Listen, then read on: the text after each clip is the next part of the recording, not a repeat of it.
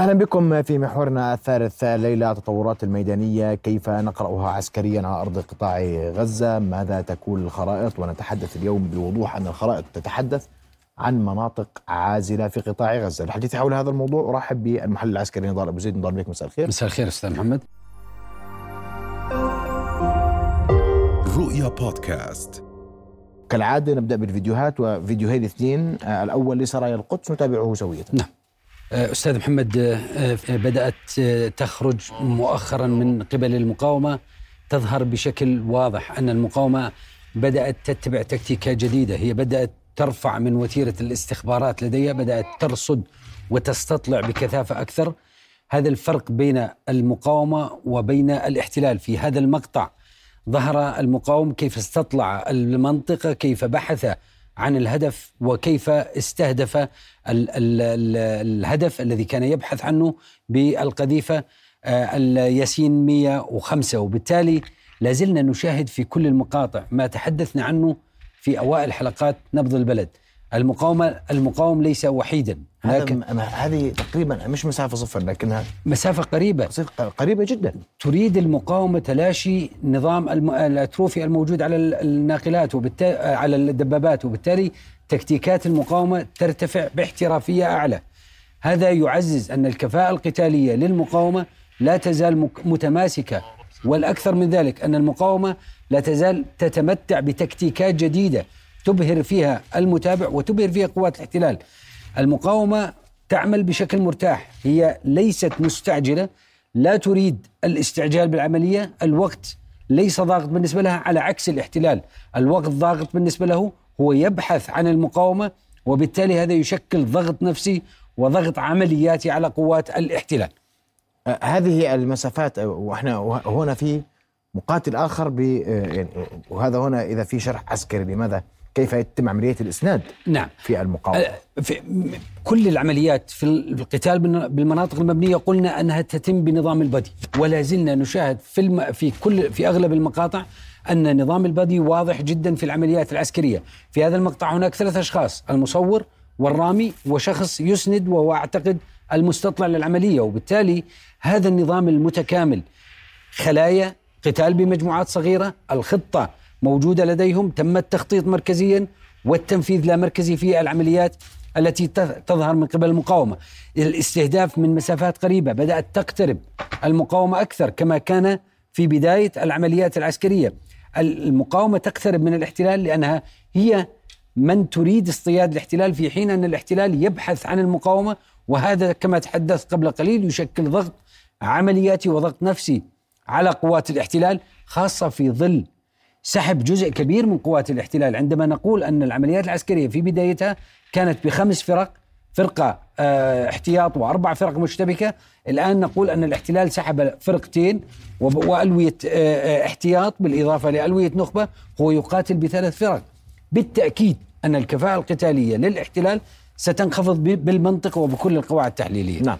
الفيديو الآخر وهو آه، فيديو خاص بكتائب المجاهدين وهو آه، استهداف طائرة مروحية آه، نتابعه سوية.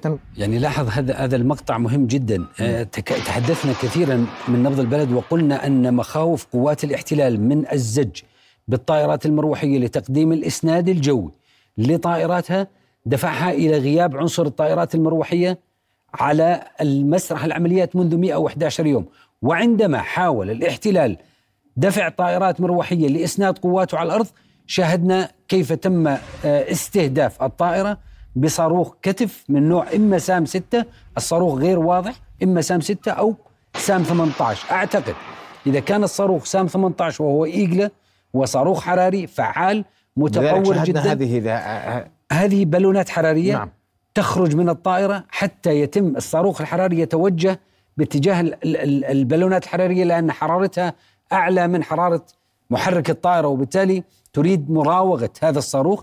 لكن إذا كان الصاروخ سام سام 18 أعتقد أن الطائرة ستصاب لأن السام 18 موجه وبالتالي عدا أنه حراري هو موجه وبالتالي يستطيع استهداف الطائرة. لم يظهر في المقطع أن الطائرة سقطت أو أصيبت لكن مجرد استهداف الطائرة في خان يونس في منطقة عمليات ملتهبة بصاروخ ميم طا أعتقد أن هذا يعزز ما تحدثنا عنه قبل قليل أن المقاومة لا تزال عمليات أو الكفاءة القتالية لها تصاعدية في حين أن الكفاءة القتالية لقوات الاحتلال تنازلية لأنه سحب جزء كبير من قواته هو يبحث عن المقاومة هناك ضغط نفسي هناك ضغط عملياتي لقوات الاحتلال العامل السياسي أيضا ضاغط على قوات الاحتلال يريد إنجاز المهمة بأسرع وقت ممكن هذه العوامل كلها شكلت عامل الضغط على قوات الاحتلال جعله يحاول الاستعجال بالعملية وجعل هذه نقطة قوة للمقاومة أوقعت في خسائر وأنت كبير. ذكرت منذ بداية العمليات البرية أن آه، آه، الطائرات آه، المروحية عدم وجودها هو قلق استخباراتي من الاحتلال لأنه لا يعلم ما تملك المقاومة تجاه هذه الطائرات وما يظهر اليوم أن هذه الطائرات باتت في مرمى المقاومة على أقل تقدير فهذا سيزيد قلق الاحتلال نعم. في قادم الساعات تماما. أستاذ محمد في كل العمليات العسكرية هناك ما يعرف بال close air support الإسناد الجوي القريب. هذا الإسناد الجوي القريب لا تستغني عنه القو... القوات. تحتاج له القطاعات وخاصة في القتال بالمناطق المبنية لأن الطائرات المروحية تكون أخفض من الطائرات المجنحة تعطي آه، كمية إسناد أعلى من الطائرات المجنحة لأنها تكون قريبة إلى الأهداف وبالتالي تستطيع التواصل وحسب العقيدة القتالية الإسرائيلية التواصل مع القطاعات البرية مباشرة وتقدم لها كثافة في الإسناد البري إما بالأسلحة الرشاشة الموجودة على الطائرة المروحية أو من خلال القذائف. وبالتالي غيب هذا العنصر منذ بدء العمليات العسكرية الآن عندما حاول الاحتلال استخدام هذا العنصر ظنا منه أن المقاومة لن تستهدف لن تستهدفها ظنا منه أن المقاومة لا تملك الكفاءة في صواريخ الميمطاه واجهته المقاومة بالميمطاه مباشرة وبالتالي لا أعتقد أن الاحتلال سيعيدها مرة أخرى ويستخدم الطائرات المروحية لإسناد قواته وهذه المقاطع في خان يونس في المنطقة الأكثر التهابا في الوقت الحالي من العمليات العسكرية. جميل جدا الأرقام ماذا تقول اليوم من نظامك؟ الأرقام تصاعدية خسائر قوات الاحتلال وحسب ما صدر من بيان مكتوب قبل قليل وعلى لسان الناطق الإعلامي باسم المقاومة قال أننا تم تدمير 68 آلية لقوات الاحتلال خلال أسبوع. وقال أنه تم قتل 59 تقريبا 59 جندي من قوات الاحتلال. بالتالي أعتقد أن هذه الأرقام وقد أكاد أجزم أن هذه الأرقام صحيحة إذا ما قورنت بالمقاطع المصورة وإذا ما قورنت بنقطة رئيسية ومؤشر واضح غياب جرافات ال D 9 عن العملية العسكرية استعاضة قوات الاحتلال بالجرافات العسكرية ذات الكفاءة العالية المكلفة والتي تتباهى بها الماكنه العسكرية الإسرائيلية استعاض عنها بعمليات التفجير الأرضي عمليات التلغيم من قبل قوات الهندسة. وهذا ما حصل في, في المغازي. شرق المغازي نعم. وبالتالي قد أعزز أن ما صدر من بيان هو ذا مصداقية عالية.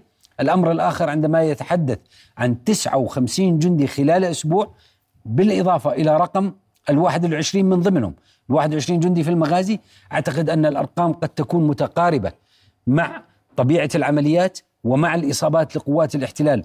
وبالمناسبة هذه أول مرة يعلن عن رقم خلال أسبوع من قبل المقاومة برقم ال 59 جندي. الرقم كبير. عادة لا تعلن عن هذه الأرقام أو هذا العدد من الأرقام. وبالتالي هذا يفسر ويعزز ما تحدثنا عنه سابقا أن الارتفاع في خسائر القوى البشرية يأتي نتيجة لغياب الدرع عن مسرح العمليات بسبب سحب الفرقة 36 مدرعة بالكامل وبالتالي بقي فقط جزء وأعتقد لواءين من الفرقة 162 بالإضافة إلى باقي الألوية الموجودة وهي ألوية مظليين وألوية مشاة ولواءين فقط من المدرعات في ظل غياب هذا الدرع أصبح الجندي الإسرائيلي هش أمام ضربات المقاومة. الحديث عن المناطق العازلة عسكريا أولا على الأرض هل هناك أي تغييرات؟ هل هناك أي تصريحات ملفتة عسكريا للسياسيين الإسرائيليين؟ فيما يتعلق بموضوع التصريحات آه، اولا آه، التصريحات متشعبة، التصريحات عديدة. أود أن ألفت إلى نقطة آه، جديرة بالاهتمام. جميع التصريحات التي صدرت من مجلس الحرب الإسرائيلي والتي تحدثت عن الاستمرار بالعملية وهناك تصريحات تحدثت عن ضرورة وقف العملية والذهاب باتجاه المفاوضات.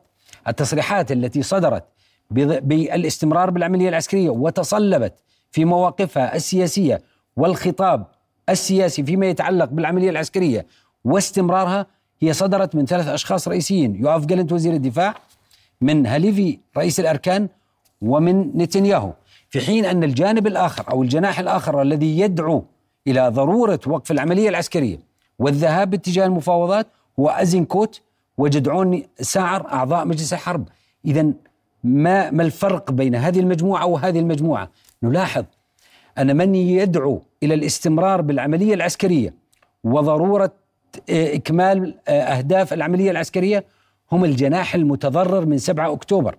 العسكريين الذين كانوا في مناصبهم ويعتقدون أن إذا انتهت المعركة في غزة أو أوقفت العمليات في غزة سيجلسون إلى طاولة الاستجواب يوآف جالنت وهاليفي ونتنياهو. في حين أن الغير متضررين من العمليات في غزة إزنكوت وجدعون سعر هم من يدعو إلى وقف العملية العسكرية. وبالتالي العسكر هذا يؤشر إلى أن الذي يدعو إلى استمرار العسكرية هو يحاول الاستثمار بالمعركة العسكرية في قطاع غزة سياسيا ولو كان ذلك على حساب الخسائر وعلى حساب جثث الجنود الإسرائيليين. نعم. هذا فيما يتعلق بموضوع التصريحات. تحدث الاحتلال كثيرا عن المنطقة العازلة. هناك مؤشرات عديدة عن المناطق العازلة. تحركات القوات الإسرائيلية تشير إلى أنه ينوي التحرك في آه، آه، غلاف آه، حدود غلاف قطاع غزة. لحدث ما؟ بالخرائط نستطيع أن نعزز ونثبت ما الذي يحدث بالقرب من مناطق شمال قطاع غزة شرق قطاع غزة جنوب قطاع غزة بالقرب من مناطق الغلاف.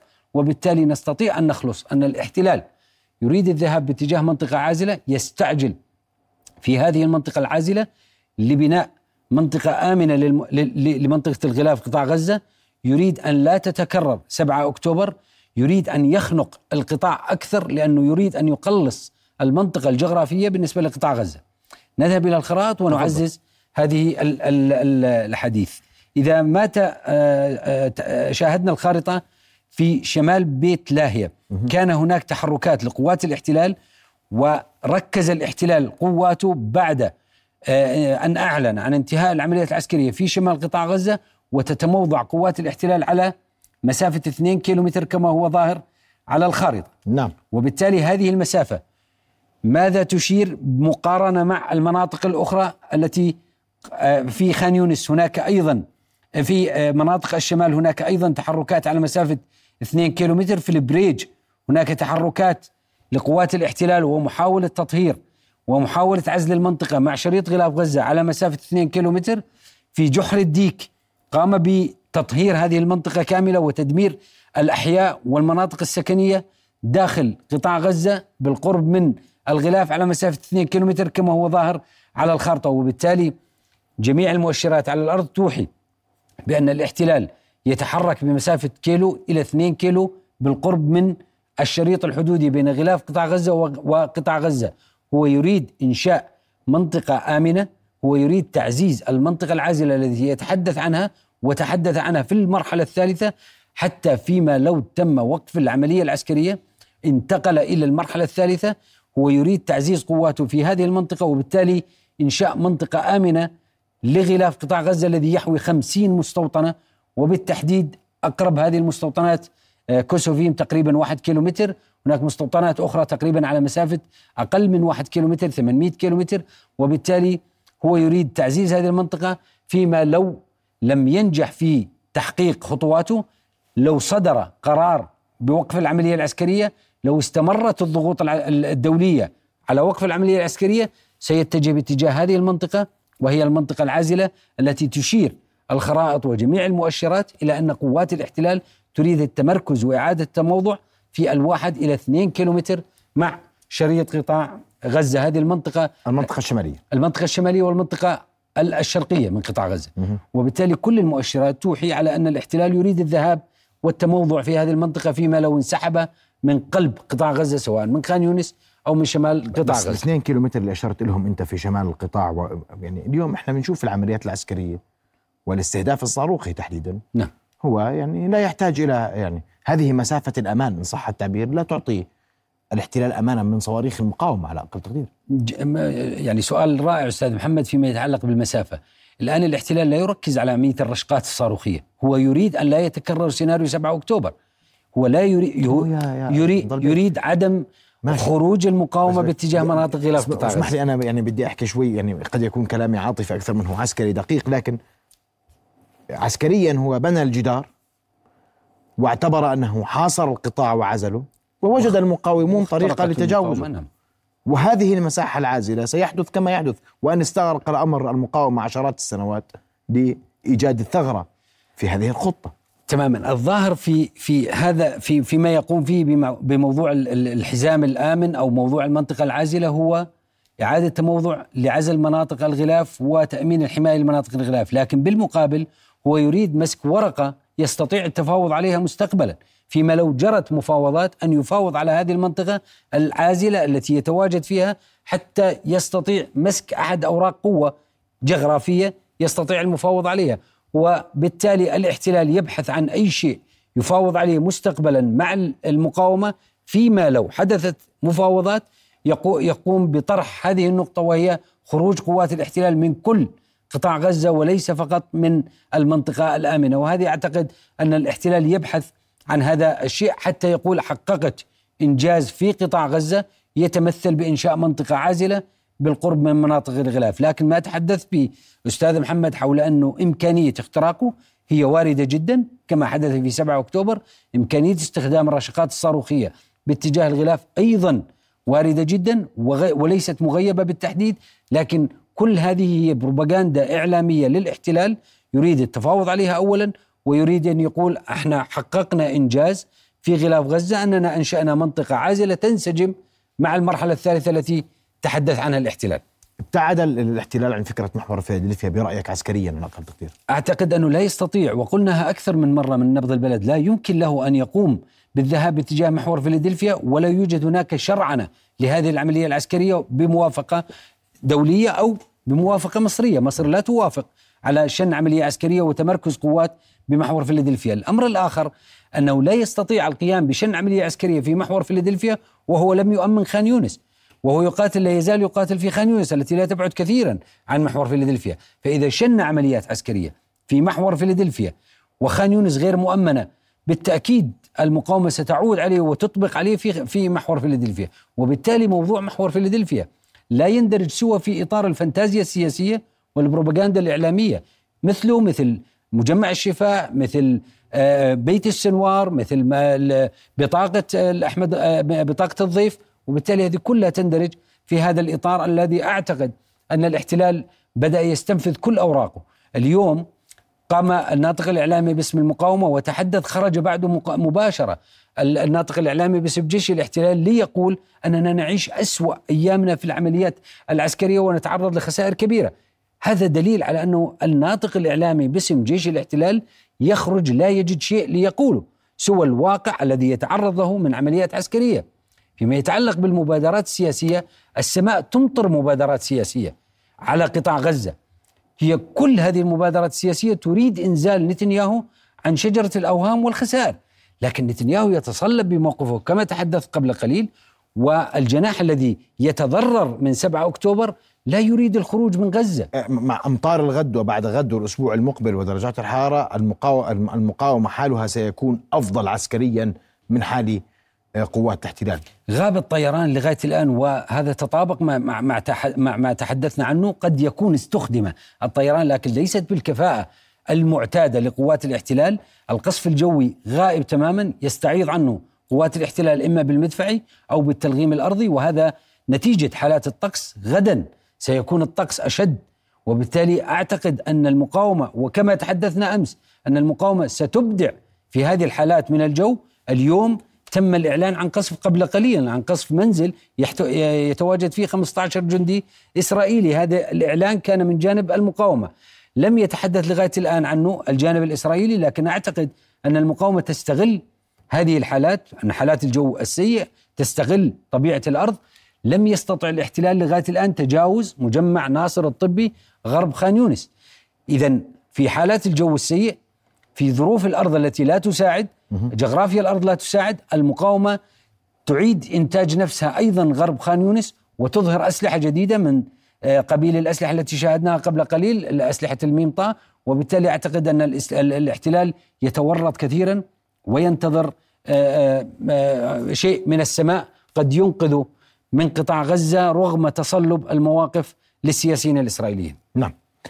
متى تخرج علينا المقاومة برأيك. أبو حمزة أبو عبيدة غائبا. نعم. وأنا سؤال تقديري نعم لكن عسكريا كيف تقدر ذلك؟ توقعنا من نبض البلد أن الخروج لن يكون قريبا والسبب في ذلك طائرات كثافة الاستطلاع الجوي والاستخباري التي تستخدمها قوات الاحتلال والتصاعد في عمليات الرصد آه، في الطائرات التي تحدثنا عنها آه، وهي طائرات ال Gulfstream الآن أعتقد أن المقاومة ستكتفي بالبيانات المكتوبة لحين استقرار الوضع الأمني أو الوضع العسكري في غرب خان يونس.